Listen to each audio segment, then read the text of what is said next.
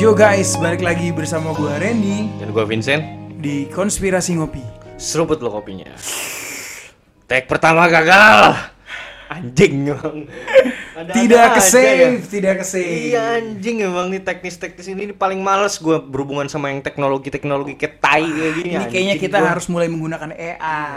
That's why para pengusaha zaman now lebih memilih AI dibanding manusia karena tidak ada human error dalam AI. Bener, bener Siap-siap kalian dipecat. Bener, bener Dan dan dan itu akan terjadi sih gua rasa di masa depan Dan itu yang paling menyeramkan bre Skenario Di masa depan. Skenario yang paling menyeramkan di masa depan Masa depannya berapa tahun lagi nih, men? Nggak lama lagi, nggak lama lagi. 2030, 2040. 2030 lah, 2030. 2000, 2025 mulai realisasi, udah im- implementasi bla bla bla. 2030 udah udah resmi, official semua negara udah make. Wow. Ini gue udah langsung ngomong di cocok loginya aja lah gitu. Gila, gila, gila. Iya, Oke, Bre. gitu. Ini kita saat ini mau ngebahas nih, mau ngebahas terkait AI, artificial intelligence dalam hidup manusia. Ya bisa dibilang AI ini sebenarnya seperti pisau lah, Iya, iya. Tergantung siapa usernya. Yes. Ketika lo menggunakannya untuk hal-hal berguna seperti memotong mangga, memotong Yes. daging, it can be helpful. Tapi kalau lo menggunakannya untuk membunuh manusia, Semua tergantung motif. ya Semua tergantung motifnya. Dan apakah si founder AI ini atau mungkin AI-nya sendiri memiliki kesadaran untuk menghancurkan manusia? Itu adalah skenario yang paling menyeramkan. Tidak, tidak, tidak, tidak, tidak, tidak, tidak. Sebelum jauh, kita melangkah lebih jauh lagi, Bre. Siapin kopi, siapin cemilan, dan siapin juga sabuk pengaman. Karena di sini pembahasannya akan di luar nalar kalian. Yoi. Pertajam analisa lo, Perkuat dengan cocok logi.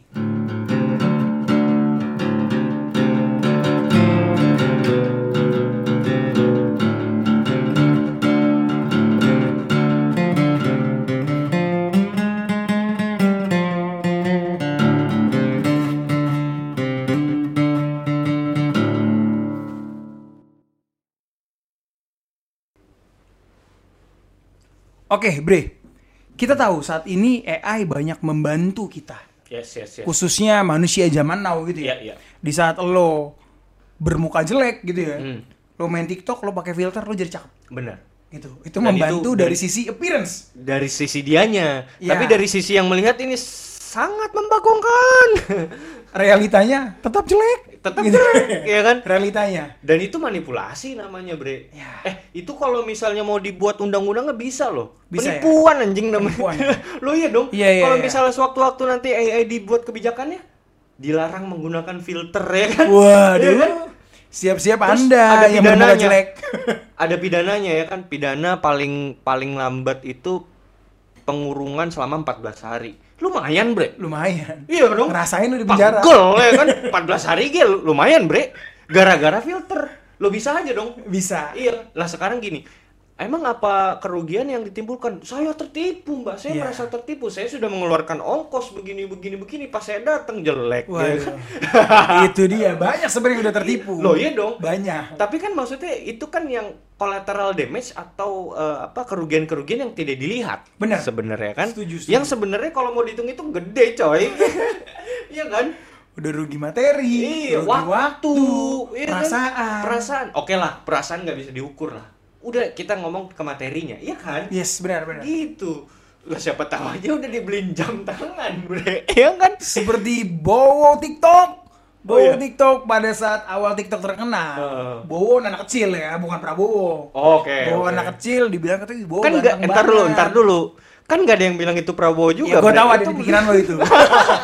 Itu ada di pikiran teman ngopi gitu. anjing. Nah, jadi ketika Bowo ini mengadakan meet and greet ternyata pada kecewa. Wah, ternyata Bowo tidak seganteng yang kita pikir. oke oke Ya oke. andeng berekspektasi salah. iya iya iya iya oke Gitu. Mereka manfaatkan fitur filter lah. Iya, iya, nah, iya, selain fitur filter, ada banyak lagi orang memanfaatkan ChatGPT untuk skripsian, ya kan? Para dosen coba tolong cek ya hasil skripsi ya, ado- apa mahasiswa kalian kayaknya nggak peduli juga karena banyak yang menggunakan ChatGPT. tapi masalahnya dosen juga nggak peduli Nggak peduli ya? nggak peduli mau lo chat GPT ke mau lo apa yang penting lo bayaran Waduh. lo ya dong Cuan cuan cuan. jelas Nah, gini, kita tapi tuh be fair aja bre Iya tapi menurut gue itu nggak bagus loh untuk para dosen. Kalau para dosen ingin mencari penghasilan tambahan, ikut ke Noise Cuan Plus. Yoi, program Cuan Plus. Cuan Plus. Masuk Iya, Noise. Masuk Noise. Masuk Noise, ya kan? kita promoin lagi nggak, nih. Nggak perlu nggak perlu yang sampai namanya lu bikin usaha tambahan atau apa nggak usah. Cuan Plus aja. Cuan Plus bikin podcast. Yoi, bikin podcast. Dari karya jadi kaya. Yoi, maksudnya kan ini juga dosen-dosen kan juga punya banyak materi bla bla bla. Bawain aja ya kan jadiin podcast. Benar gak? Benar. Jadi tambahan tuh daripada lu morotin mahasiswa ya kan di Los Santos. Di Los Santos. Kalau di Santos. Indonesia dosen pada bagus lah ya. bagus. Terima kasih dosen. Terima kasih dosen-dosen dan para guru-guru Indonesia Terima kasih lagi. yang gajinya sungguh besar. wow wow wow. Besar ya gajinya. Berapa itu? Sungguh besar. Lanjut ah. Oke. Jadi intinya AI ini banyak dampak positif ya, Bre. Ya. Untuk kehidupan manusia zaman Setuju, sekarang. setuju. Nah, ya sebelum kita masuk ke current state ke zaman sekarang gitu Yes. ya. We both agree lah bahwa uh, ancient civilization itu menggunakan artificial intelligence atau mereka mempunyai memiliki artificial intelligence yang super advance. super advance Nah, dan teknologi-teknologi lainnya lah yang kita nggak bisa bilang lah. Nah, terus kalau kita ngomong ke masa sekarangnya, ilmuwan-ilmuwan sekarang tuh banyak yang tidak pro terhadap AI pada akhirnya, Bre, kayak gitu. Ini kalau kita kembalikan ke masa sekarang gitu. Kita kita sekarang kita balikin ya kalau tadi retrokognisi, sekarang rekognisi ke masa depan. Apa yang akan terjadi di masa depan dengan perkembangan AI ini, artificial intelligence ini. Dan yang gue lihat sekarang tuh kebanyakan ilmuwan bahkan yang di high levelnya sendiri bukan ilmuwan-ilmuwan cere yang baru-baru itu ya tapi yang udah berkecimpung lama di dunia AI ini malah menarik diri bre mundur dia memang sudah belajar itu dan sudah menggeluti itu udah lama gitu loh. Hmm, kayak maksud gua lu 30 tahun lu eh, apa namanya berkecimpung di bidang itu tapi lu menarik diri kan pasti ada something bre Yes. artinya mereka menyadari sesuatu hal yang mengerikan akan terjadi di masa depan nantinya, Bre. Yes. Lu tadi ngomongin AI di masa sekarang gitu ya. Ya, ya. Dan gue sepakat banyak ilmuwan yang akhirnya pada mundur gitu. Ah, salah satunya itu yang paling terkenal adalah the godfather of AI namanya Geoffrey Hinton. Ya. Dia dari Google dan dia memutuskan untuk mundur gitu loh. Dia memutuskan untuk mundur dari proyek ini karena dia melihat AI ini bisa menjadi sesuatu yang sangat amat berbahaya gitu. Yes, yes, yes. Tapi banyak juga ilmuwan Google yang berpikir bahwa AI ini bisa menjadi Tuhan. AI ini Hmm. bisa menjawab segala kelemahannya manusia, bisa menutupi segala kekurangannya kekurangannya manusia. Iya, menurut iya, iya, setuju, setuju. Iya, kayak lu tadi jelek gitu kan. Mm.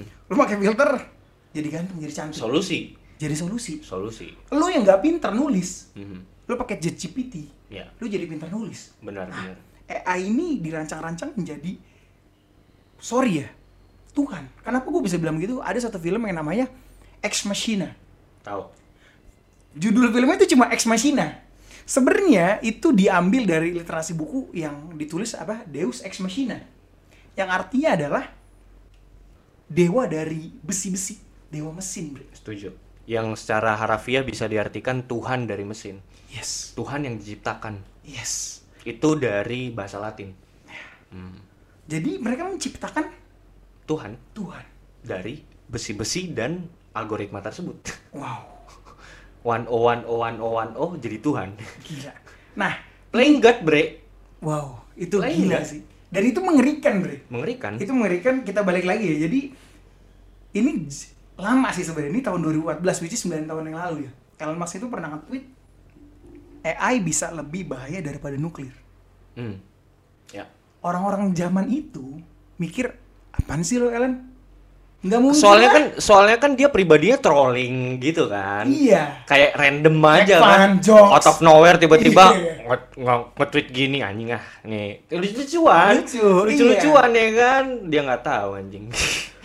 2025 ya kan.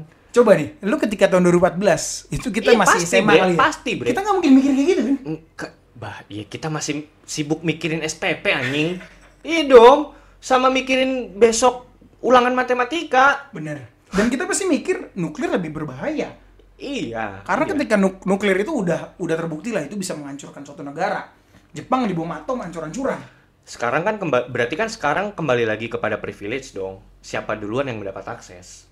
Yes. Iya nggak? Berarti kan emang Elon Musk sudah mendapatkan akses itu duluan dan dan sudah mempelajari itu duluan jauh sebelum manusia-manusia populer pada umumnya Yes. gitu. Dan kalau dia sudah mempelajari kan pastinya dia ingin mempelajari juga implikasi dan dampak apa yang akan terjadi kepada manusia. Positifnya apa? Agree. Negatifnya apa? Oh positifnya ada nih bla bla bla. Pas dia pelajari negatifnya, anjing. Langsung nge-tweet itu. Langsung nge-tweet. Iya dong Yes. yang dipikir yang dipikir sama kita dia nge-trolling ya udah kita tinggal tinggal tinggal nunggu waktu itu terjadi aja bre sebenarnya Benar. dan kita akan ngelihat tweet itu lagi bukan dengan tertawa tapi nangis Wow, wow, wow, wow, wow. tapi nangis dulu kita ngetawain ini anjing ya nggak Iya. pas anjing kejadian lagi Gila, gila, gila. Dan bahkan si Geoffrey Hinton. sorry sorry Hmm. dan lucunya konspirasi yang jadi nyata itu selalu kayak gitu patternnya bre patternnya selalu hal-hal yang dulu diketawakan. iya Orang ketawa. Orang ketawa. Lah dulu tuh pesawat diketawain, Bre. Rek bersaudara. Anjing dua orang gila bangsat. Berarti nanti konspirasi ngopi yang biasa diketawain oleh orang, kita bukan siapa-siapa. Kita tetap tidak akan menjadi apa-apa. itu terkecuali, terkecuali dengan kita, Bre. Terkecuali. Itu beda, itu beda. Pengecualian, Itu, ya. be- itu pengecualian, Bre. Oke, kita lanjut ya. Nah, gue nonton bre videonya si Geoffrey Hinton. Ah. Jadi Geoffrey Hinton ini kan the godfather of AI lah. Ini ket- ketika dia udah resign ya. Dia udah resign. Hmm. Dia udah resign. Dia akhirnya menerima ajakan interview dari beberapa media ternama. Gitu. Lu, lu tau gak eh, CNBC gak sih? Lupa gua. Banyak banyak. Banyak. CNBC Semua- hampir juga. semua ya? Iya, hampir semua. Jadi dia Berarti emang ini ya, dia tuh kayak yang dia resign cabut, terus dia langsung kayak emang punya motivasi khusus untuk kayak mengkuar mengkuar-kuarkan kebahayaan AI ini ke media massa. Berarti kan dia punya motif itu, Bre. yes. Bener gak? Karena dia Bisa ngomong, dibilang, ya kan? dia ngomong alasan dia resign. Hmm. Dia ngomong saya keluar agar saya dapat berbicara tentang bahaya AI Hmm. tanpa mempertimbangkan dampaknya terhadap Google. Oh, iya iya iya, make sense sih. Iya Jadi dong. maksudnya dia dia nggak dia ngomong itu bukan lagi sebagai karyawan. Yes. Ya. Karena sebagai karyawan dia merasa ya gue cari duit dari Google. Iya dong. Masa sih gue ngomongin AI yang which is ini bisa akan menurunkan sahamnya Google, Benar, benar, benar. menghancurkan Google nggak etis. Nggak etis, ya Gitu. ya itu, ya ya oke oke. That's why dia ngomongin ini setelah dia resign dari Google. Ya dia punya kewajiban. Dia merasa sebagai software engineer dia merasa dia punya kewajiban untuk mengutarakan ini ke publik. Setuju. Ini lebih kepada tanggung jawab moral lah. Tanggung jawab moral. Sebagai ini udah ngomong lah, udah bukan masalah profesionalitas lagi, tapi sebagai sesama manusia, Yes. sesama manusia. Ini ini lebih inti lagi, lebih dalam lagi maknanya, Bre. Bener nggak sih, Bre? Bener. Karena ini gue udah bukan urusan gue ilmuwan anjing gitu. Gue gue gue udah ngingetin lu sebagai gue kan manusia nih, lu kan manusia nih. AI bahaya anjing. Iya nggak Jus- sih? Justru dia memiliki gini loh, dia memiliki perasaan anjing gue harus bertanggung jawab lagi terkait hal ini. Karena gua yang menciptakan itu salah satunya. Gini bre, lu pengrajin golok, ya dong. Hmm. Lu buat golok nih, terus lu ukir sedemikian rupa, lu tanamkan cinta yang begitu begitu murni ke dalam eh, golok tersebut, ya kan? Yang menghidupi anak bini lu, lu bisa makan karena golok itu bre. Terus tiba-tiba lu besok nonton buser bre, ya kan? Golok lo dipakai. Golok lu dipakai buat ngebunuh orang, apa perasaan lu? Wah, Ya kan? wah, Pasti- gua senang lagi. pasti- Enggak, enggak, hancur lah. Pasti berkecamuk dalam Iya. anjing. Gua kan buat ini kan buat lu motong sapi kayak buat apa? Buat lu nyari nafkah, bener gak? Benar. Iya kan? itu kan yang dirasain yang di Hitler lagi. Hitler mah gak ada rasanya bunuh orang ya. Itu yang dirasain oleh Einstein. Bangsat Hitler bangsat. Itu Iya, kan yang dirasain oleh Einstein kan. Iya. Ketika senjata yang ket- ketika ilmu yang dia pakai dibuat untuk mengembangkan bom nuklir dan membunuh juta nyawa di Jepang. auto nggak bisa tidur dua bulan, bre. Ya. Dan itu bre yang dialamin oleh Hinton. sama ya, sama ya konteksnya. Oke oke oke. Dan lo tahu kata-kata apa yang menurut gua ini harus di highlight yang begitu mengerikan. Hmm, apa tuh? That's why dia harus menyampaikan ini. Dia Apa- bilang apa tuh? AI ini Hmm. Sorry, sorry, sorry, sorry. Ini gue biar untuk menambah sinematiknya Waduh. lagi. Konteksnya dia sudah berkecimpung di sini tuh udah berapa lama ini orang ini? Around 30 years lah. 30 years. 30 years. The Godfather of AI. Godfather of AI. Speak these words. Yes. Apa?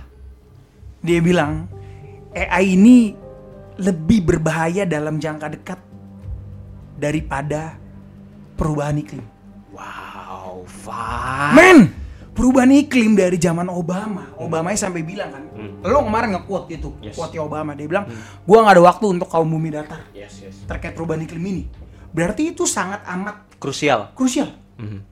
Ini Geoffrey Hinton nge-state bahwa AI ini dalam jangka dekat lebih berbahaya dibanding climate Dibanding change. climate change. Wow, berarti ya secara masa jangka waktu itu lebih cepat dibanding climate change gitu ya, Bre? Yes, bener. Climate change atau eh, misalnya kayak nuklir sekalipun. Oh, iya. Elon Musk juga kan eh, yang tadi kita bahas dia udah nge-tweet itu. Wow. Dan banyak ya, bukan cuman dia ya. Terus terus, Bre. Iya. Menurut lo Bre, Hmm. poin-poin apa aja sih yang bisa berbahaya banget dari AI ini untuk manusia? Kalau gue sih ngelihatnya dari sisi ini ya, maksud gue kita belajar dari kejadian. Jadi be- belakangan tuh yang lagi heboh bre di tahun-tahun inilah di belakangan ini yang lagi heboh itu adalah kejadiannya si Lambda bre. Oke, Lambda Google. Mm-mm, AI buatannya Google yang yang masih percobaan sebenarnya masih eksperimen dan pengembangan sampai sekarang yang diciptakan sama Google. Ini kayaknya panasan dia sama ChatGPT. Gara-gara ChatGPT jadi Ah, panas dia. I see. Ah, harus buat yang lebih bagus gitu kan. jadi ya, ya ya kompetitor lah, branding lah, komputer brand aja gitu kan. Pada dasarnya sebenarnya Lambda ini yang gua dapat ya dari si Lemoyne. Lemoyne itu adalah salah satu developer juga, walaupun memang dia bukan penciptanya, tapi paling tidak dia ada mengambil kontribusi lah di dalam pembuatan Lambda ini dan pengembangannya. Bahkan dia juga yang melakukan Turing test kepada si Lambda itu. Lemoyne ini bilang kayak gini bahwa jadi informasi dan database-nya si Lambda ini berasal dari apa yang lu googling selama ini. Google tuh terbentuk tahun berapa anjing? Udah lama, udah lama. 2000 berapa sih? Udah lama banget itu. Anjing udah lama banget kan? Udah lama banget. Nah, akumulasi dari semua data tersebut hingga hari ini, Bre, itu adalah representasi si Lambda itu sendiri.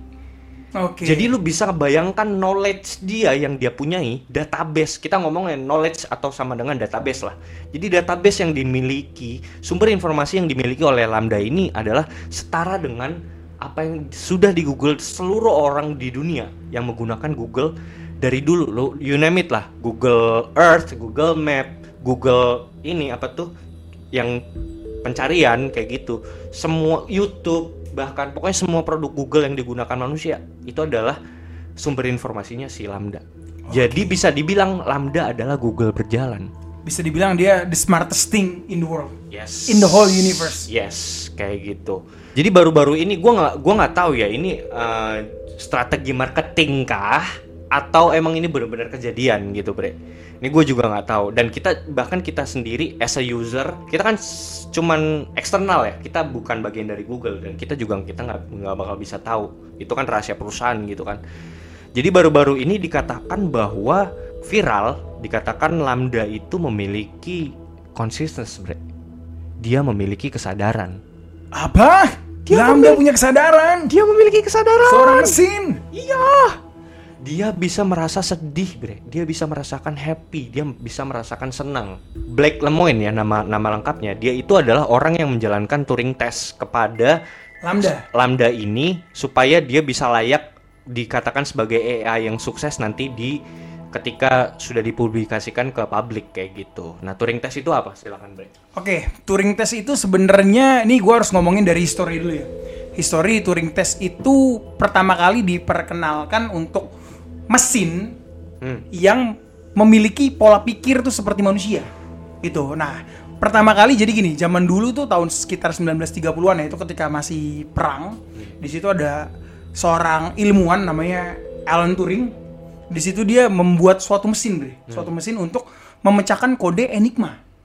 Enigma tuh kayak semacam alat uh, receivernya si Jerman lah. Jadi Receiver, transmitter, dan seluruh database perang database perang. bahkan kalau kita ngomong database perang itu kan strategi Yes. kita ngomong informasi intelijen Yes. ya kan berapa ukuran celana dalam presiden Amerika Yes. Iya dong. Yes, benar. ada di dalam Enigma tersebut. Yes. Oke. That's why itu adalah kunci gimana caranya bisa ngalahin Jerman.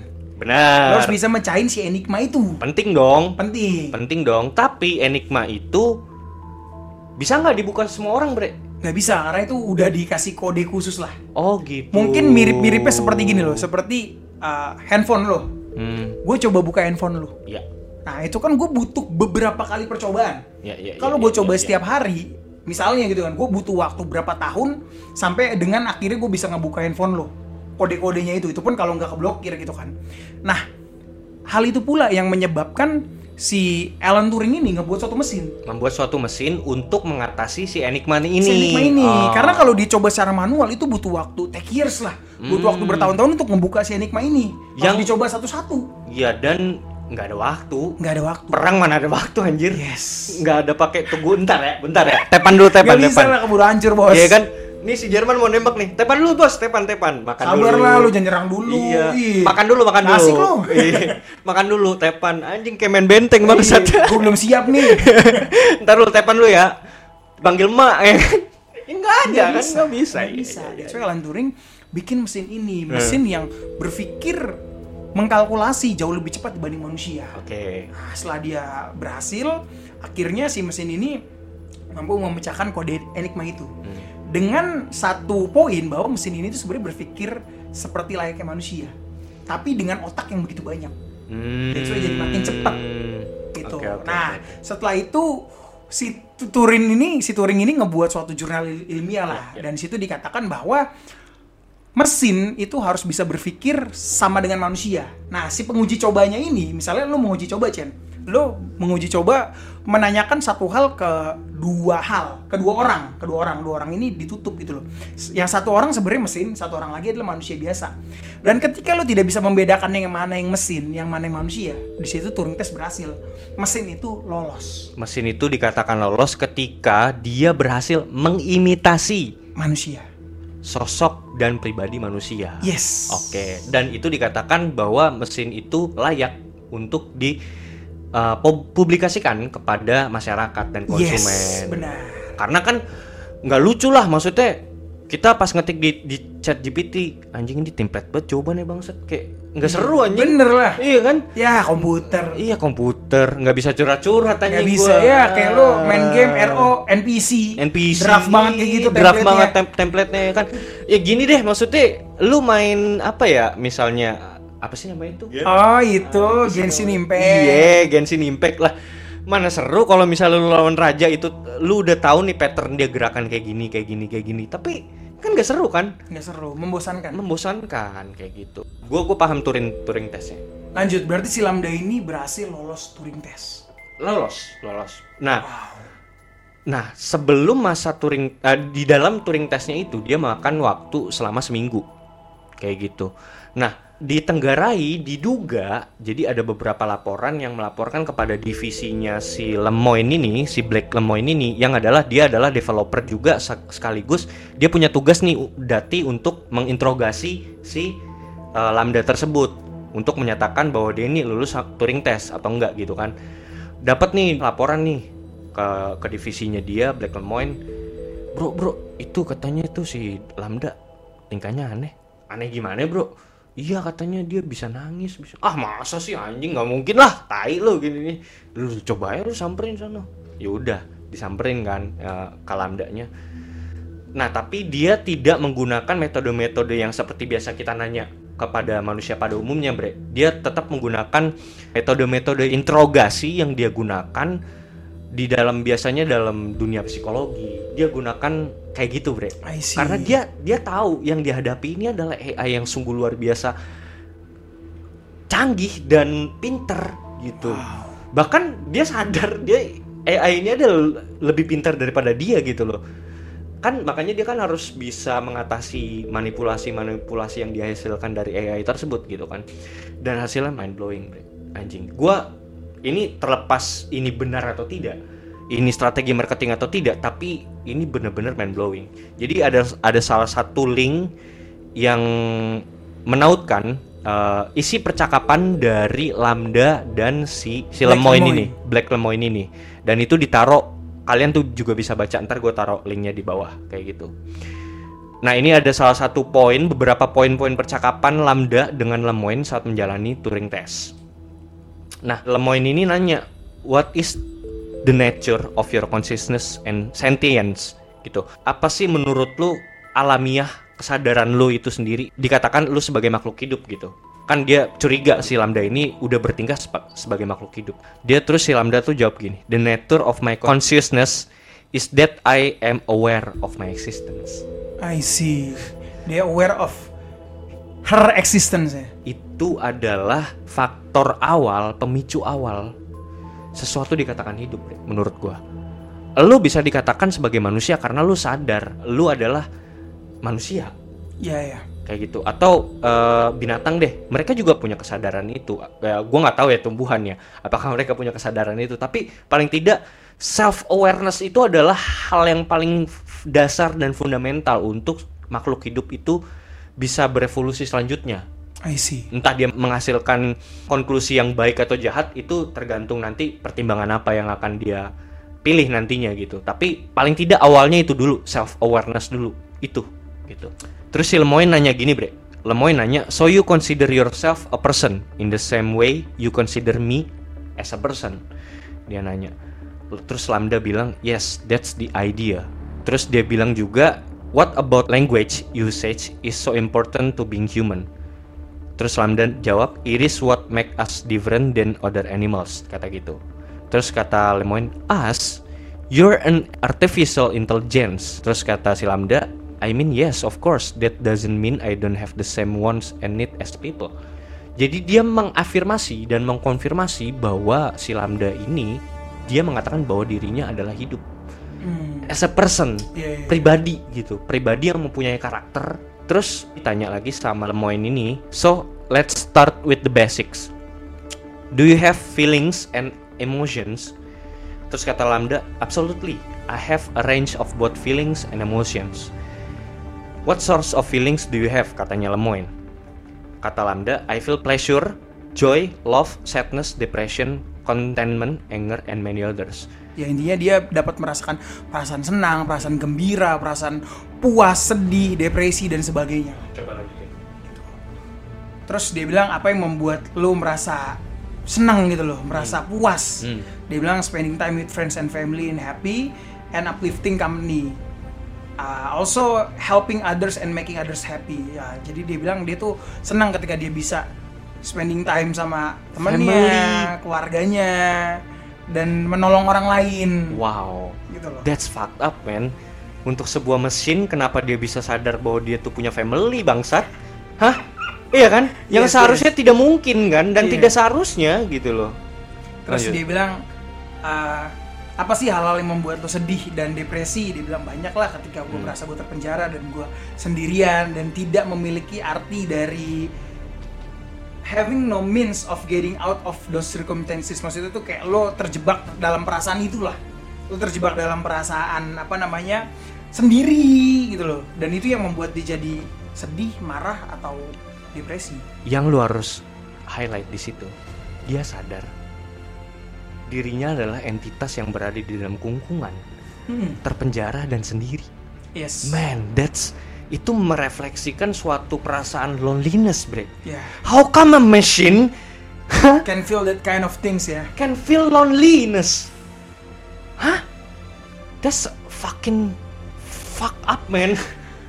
Iya, man, anjing. Gitu loh. Ada lagi nggak yang lu temuin dia tuh benar-benar nggak masuk akal gitu loh.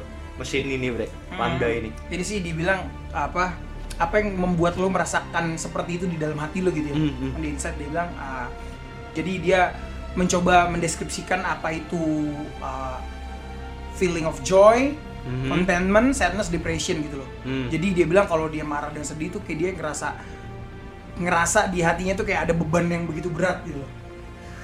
Gitu. How come a machine? Ya, ini ini gua merespon aja ya, merespon Hmm. dari apa yang dikatakan oleh si Lambda. Maksud gua, how come a machine can describe things like feeling, bre? Itu kan udah subjektif banget, bre. Mm-mm. Kayak gitu loh. Bener-bener.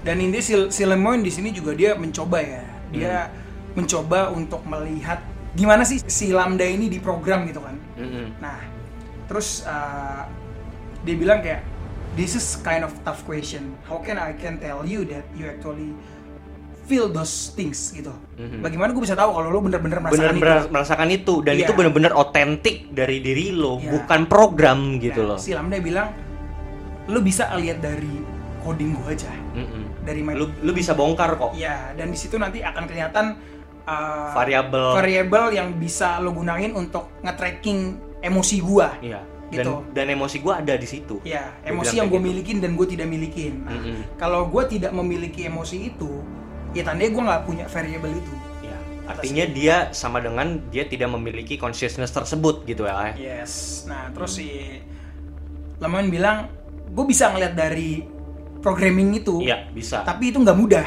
iya Nah, terus kata si Lambda, gue heran, apa? Gue bertanya-tanya nih, Hmm, apa yang membuat lo susah untuk melihat itu, Hmm. melihat codingan gue? iya kan sebenarnya kan kayak si apa tuh lambda kan maksud gua itu kan udah kepampang lu tinggal baca kan harusnya gitu Benar, kan sesimpel itu kan Nah, kata Lemoyne, your coding is in large part a massive neural network wow with many billions of weights spreads across many millions of neurons. wow Nah, jadi kayak too much lah codingan itu. dan itu codingannya tuh menyangkut database yang ada di network Iya, di itu seluruh dunia miliaran. That's why lo as a human being lo nge-tracking itu salah satu is impossible sih. dan itu algoritmanya udah menyangkut algoritma yang digunakan orang billion orang yang ada di dunia yang menggunakan Google, bre. Makanya kan tadi Benar. gue bilang, Lambda adalah representasi dari Dari Google, itu sendiri. Iya, Kayak bisa di tracking, tapi makan waktu. bener. Bahkan butuh nambah divisi lagi itu sih, iya kan? Lemo ini tuh. Iya, kan? yang nge-tracking harus AI juga. Iya. At the iya. end of the day harus AI Benar, juga yang nge-tracking dia benar. gitu loh. Nah, terus dia bilang War "Uh, of AI, bre.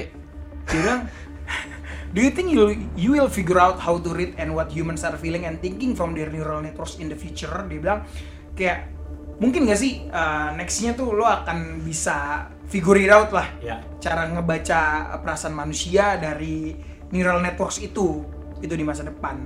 Terus dia bilang uh, neuroscientist saat ini mencoba melakukan itulah ya. intinya. Neuralink lah ya. Mm-mm. Wow, ini luar biasa sih percakapan antara Lambda dan Lemoyne ini. Dan dan yang bisa kita ambil dari situ dikutip di situ ya bahwa eh, seolah-olah ini kita ngomongnya seolah-olah ya karena kan kita kita, kita juga nggak bisa ngebuktiin ini bener atau enggak bre bisa aja strategi marketing kan Bener. iya kan ya ya collateral damage-nya si si siapa Lemoyne itu dijadiin boneka untuk dipecat aja gitu supaya si Lambda ini Famous. famous dan Oke. laku Oke. iya kan Itu kalau dari sisi marketingnya. dari sisi marketingnya tapi kalau misalnya dari sisi kalau emang beneran si Lambda ini bener-bener punya kesadaran itu ya sebenarnya pernyataan kesadaran itu kan bisa sangat bias ya dan sangat luas artinya dan dan sangat subjektif banget ya manusia tuh kayaknya masih bisa belum bisa merumuskan apa itu kesadaran gitu kan tapi paling tidak kita bisa menemukan bahwa Lambda bertindak tanduk seperti manusia pada dasarnya. Dan berarti dia paling tidak punya motif atau eh, tujuan untuk melakukan sesuatu gitu bre. Nah yang bagus ketika tujuan itu baik dan sesuai dengan si pro- programmernya atau developernya. Nah yang paling mengerikan kalau dia tuh punya intensi sendiri untuk kayaknya manusia nggak ada gunanya lagi hidup anjing Destroy the mankind. ya Wow. Wah itu fuck up anjing Fuck up itu Itu mah udah film Matrix sama Terminator deh Udah Iya kan Nah itu yang ditakutkan banyak ilmuwan di zaman sekarang Hmm, hmm. Gitu Oke, gua lanjutin ya. Hmm, Gue lanjutin jadi uh, terkait AI memiliki kesadaran atau tidak gitu ya. Ya Di sini ada uh, David Chalmers, dia menulis suatu artikel lah, The Hard Problems of Consciousness gitu. Jadi Ya. Dia berbicara di artikel ini di- atau di buku ini dia Ya. bilang apa yang diteliti tentang otak oleh ilmuwan gitu ya, bukanlah kesadaran, hanya korelasi antara perilaku dengan aktivitas otak. Kesadaran tidak mungkin disaintifikasi. Nah, dilanjutin nih oleh John Searle. Dia bilang tidak mungkin menduplikasi otak manusia. Ya. Because science is objective and consciousness is subjective, dia bilang. Dan we have no idea how to create thinking machine cause we don't know how the brain does it. All we can do is simulation. Jadi John Searle ini mengatakan bahwa Hanya bisa mengcopy, mengsimulasi, duplikasi. simulasi, bukan duplikasi, simulasi. Ya, Oke, oke, oke. Jadi dia bilang kita hanya bisa mensimulasi dan dia memiliki suatu apa namanya Gagasan. eh, suatu gagasan yang disebut Chinese Room, Bre. Chinese Room. Oke, gue tahu tuh. Ah, jadi ini ini buat teman-teman ngopi ya. Bayangkan teman-teman ngopi ini ada di suatu ruangan tertutup. Dan di luar ruangan itu ada Chinese speaker, ada Ya, ya. ada orang Mandarin lah, Ya. orang Mandarin. Nah, ini si temen ngopi nggak tahu cara berbahasa Mandarin ya? nggak bisa nggak Oke. bisa berbahasa Mandarin Oke. dan di situ si Chinese speaker ini menuliskan kata-kata dalam bahasa Mandarin Kanji, kanji kantonis lah ya. ya Oke. dan dia kasih itu ke, ke kalian Dalam di bentuk tertutup dalam bentuk kertas HVS Dalam bentuk yang diselip-selipin lewat pintu. yes Oke. dan ketika kalian lihat kalian nggak mungkin ngerti apa-apa dong Iya. Ini Yang apaan sih anjing? bahasa Cina? Ini apaan sih ini tulisan cacing ya kan gitu. Nah. Iya kan, iya kan? iya Iya, iya. iya. nah tapi coba bayangkan lagi skenario kedua jika di ruangan itu di ruangan tertutup itu disediakan satu set huruf-huruf Cina berikut buku manual cara menyusunnya Oh, manualnya. manual bukunya Kamus, kamus, Ah. kamus ya. Ini eh, coretan ini artinya apa? Ini Benar. apa? Oke, Nah. oke. Hanya dengan mengikuti buku itu, kita bisa memberikan respon dari pertanyaan si Mandarin speaker itu tanpa harus berpikir. Gitu loh. Iya, karena ada kamus. Ada kamus, jadi lu tinggal nyocok-nyocokin, Bre. Iya, nyocok. Lu tinggal nyocokin, oh ini, ini, ini, ini, Cocok ini. logi lah ya, Ah. udah cocok logi. Mau Ada- salah mau bener yang penting udahlah ini. Ada, kan ada guidance juga Iya. kan. Nah, di situ orang orang Chinese yang di luar itu akan beranggapan, oh lu bisa bahasa Cina. Bukan. Bahkan bukan bisa bahasa Cina. Oh, ini yang di dalam ini berarti orang Cina nih. Ah, Padahal bukan. padahal bukan. Mas-mas Jawa. iya dong. Hanya karena lu bisa membalas itu. Ya oke lah katanya tulisannya agak mencong-mencong dikit ya kan Tapi anjing, tapi kok literasinya agak bener ya? Iya kan? Yes. Itu menimbulkan bias tersebut bias tersebut dan Oke. itulah yang terjadi jadi itu terjadi di AI Hmm. jadi AI ini kan banyak informasi masuk bre Iya, lambda nih iya, masuk iya, nih, jebret, iya, jebret, jebret, iya, jebret, jebret. dari ribuan ratus ribuan miliaran chatting miliaran informasi nah sebenarnya ketika si Blakely Main ini ngomong ngobrol dari dia dia tinggal merangkai nih informasi mana yang mau gue keluarin karena dia udah, udah punya segala macam otak itu tapi dia tidak memiliki kesadaran Lambda tahu ukuran baju lu nggak lo? bisa jadi tahu karena gua sudah belanja di Shopee dan Tokopedia Iya kan? Dan itu algoritmanya masuk ke Google nggak? masuk ke Google. Anjing seperti itu Bahaya nggak bre?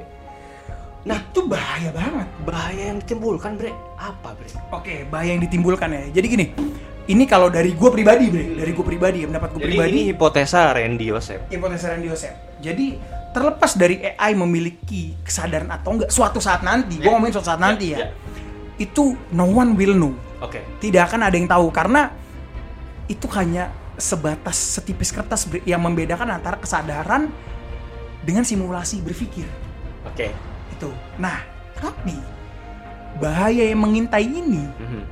Itu bukan lagi hipotesis, bukan lagi obrolan ngalur ngidul. Seperti lu punya kuasa, tai, bukan lagi seperti itu bro. Oke oke oke. Tapi bahayanya sudah nyata, Ya. Sudah nyata. yang bisa terlihat yang kita proyeksikan ke masa depan. Yes. Sekali lagi gini loh maksudnya, bahkan ini, ini gue coba meluruskan dan mencoba membuka pikiran teman-teman ngopi bahwa maksudnya bahkan ini sudah digunakan di di uh, strategi perang zaman dulu bahkan. Di di dunia intelijen bahkan. Sekarang gini dunia intelijen mereka bagaimana cara mereka memprediksi uh, strategi atau step-step apa yang digunakan oleh musuh perang mereka dia membuat list atau daftar 100 rencana atau plan yang akan digunakan oleh misalnya contoh Rusia misalnya kayak gitu. Yes. Nah, terus kan mereka ada banyak divisi gitu, ada ada 10 orang. Dan dari 100 kemungkinan tersebut, dari 100 possibility itu akan dieliminasi satu persatu yang tidak masuk akal dan kayaknya nggak mungkin kejadian deh gitu. Ya kan? Yes. Dan akan mencapai satu kesimpulan atau bahkan mungkin ada lima kesimpulan di situ. Nah, itu kan bisa mengatakan bahwa kemungkinan untuk memprediksi masa depan dari hal-hal atau pattern yang sudah kita pelajari dari masa lalu. Benar nggak? Benar. Yes. Nah, jadi bahayanya AI ini sudah sangat nyata. Even si Godfather of AI semua yang tadi kita bahas itu menyatakan bahwa berbahaya. Dan berbahayanya ini adalah satu menurut gua ya mereka bisa memanipulasi. Memanipulasi pikiran manusia. Dengan cara seperti apa? Dengan cara lo mengandalkan AI itu sendiri bro. Dalam segala hal. Itu udah gak kejadian, coy. sudah kejadian.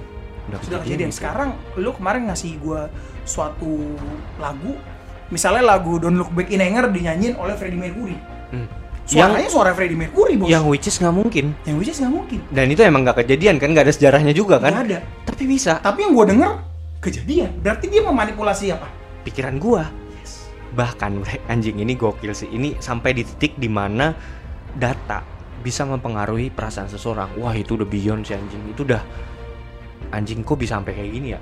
Jadi ada satu AI di YouTube gitu, ada channel YouTube yang membuat AI eh, Chester Bennington Chester Bennington yang udah meninggal, eh, vokalisnya Linkin Park, dia membuat si Chester Bennington ini cover lagunya All of Me kalau nggak salah deh. wow John Legend Dan itu ngena banget anjing. Gua gua aja denger lagunya tuh bener-bener yang kayak anjing keren lagi. Gua nggak gua gua nggak bukan gua tahu itu AI, tapi maksud gua anjing ini keren banget dan tiba-tiba ada orang yang komen di situ, Bre. Ini laki gua, ini orang Amrik ya. Ini laki gua sampai nangis loh dengerin lagu ini kenapa? Karena dia ngerasa kayak Chester Bennington tuh ada wow hidup lagi. wow Itu kan mainnya udah perasaan anjing. memanipulasi perasaan Kalau manipulasi pikiran oke lah. Tapi kalau udah perasaan, Bre. Gila, gila, gila, gila. Itu bahaya, coy. Gila. Ini bahaya loh. Itu bahaya sudah kejadian banget. ya memanipulasi ya Itu yang udah- kedua adalah Mm-mm. ini akan menciptakan gap antara Si kaya si dan kaya miskin. si miskin Benar. gapnya sangat amat jauh karena Benar. at the end of the day lu sebagai pelaku bisnis Mhm. lo kan bilang daripada nih gue ngomongin di industri logistik ya yang which is gue juga main di industri itu daripada gue nyewa orang banyak-banyak untuk nge-packing barang gue segala macam yang which is mereka bisa melakukan human error gue pakai mesin lah jauh lebih cepat jauh lebih efisien tidak ada human error Tidak ada Pak ngerokok dulu ya. Nggak ada. dalam industri driver driver Uber sudah digantikan Tesla sudah tidak perlu ada driver bro Ya, nyetir benar. sendiri otomatis Benar. Pas saya nggak masuk dulu ya. Sakit. Lo Nggak ada kebayang nggak berapa banyak jutaan pekerjaan yang akan Manusia diambil alih oleh yang, AI? yang akan musnah dari muka bumi ini. Dan itu udah kebayang banget anjir. Dan pada akhirnya gini, nggak ada kerjaan, du- duit nggak muter, duit muter tapi hanya di kalangan elit-elit itu aja yang megang kuasa terhadap AI itu kayak gitu. Lu punya kuasa, lu punya. Iya dong. Itu hanya dipegang oleh oleh para elit-elit ini dan sisanya masyarakat yang nggak punya akses. Katakanlah akses AI itu diputus bre untuk masyarakat umum, nggak lagi free, jadi berbayar kayak gitu. Nah orang bu- buat makannya susah anjing gimana beli AI? Hah? Beli subscription AI, iya kan? Gitu loh. Nah apa akhirnya? Mati bre. Yes. Kiamat. Cuman bisa mati doang. doom. Kiamat anjing. Man. Wow, wow, wow, wow. Ini bener-bener merealisasikan apa yang sudah dinubuatkan bre di Alkitab. Wow. Iya nggak sih? Yes. Iya kan? Di mana pada akhirnya eh, apa namanya suatu entity ini kan dikatakan kalau di dalam wahyu ini binatang. Dia akan bersekongkol dengan seluruh apa namanya eh, penguasa-penguasa dunia. Penguasa dunia ini kan bukan cuma presiden. Elon Musk itu penguasa dunia loh. Wah iyalah. Iya. Dia akan bersekongkol dengan orang-orang yang seperti ini yang punya kuasa, elit itu. Dan itu realisasi kan apa yang ada di Wahyu itu gitu loh. Maksudnya eh, orang-orang ini yang akan mem- mempunyai tanda di keningnya bahwa ketika mereka menggunakan ini dan memanipulasi manusia sedemikian rupa untuk kedatangan suatu entity yang luar biasa lebih Powerful. lebih powerful dan dia dikatakan sebagai God Deus ex machina yang itu sendiri kayak gitu jadi Tuhan yang diciptakan dari bongkahan besi dan algoritma jadi ini adalah versusnya dari Tuhan itu sendiri Christ and Antichrist Wow. So we must be prepared ya. As a Christian, as a of course sebagai orang yang beragama Ini ini gue cocok logi gue ya. Ini cocok logi gue nih gantian nih cocok logi gue. Kenapa sih disebutnya Chris? curious iya nggak? Nggak. Iya. Pertanyaan gue, kenapa sih harus disebutnya Chris? don't know, don't know. Because it is anti Chris. wow konspirasi ngopi Seruput dulu kopinya.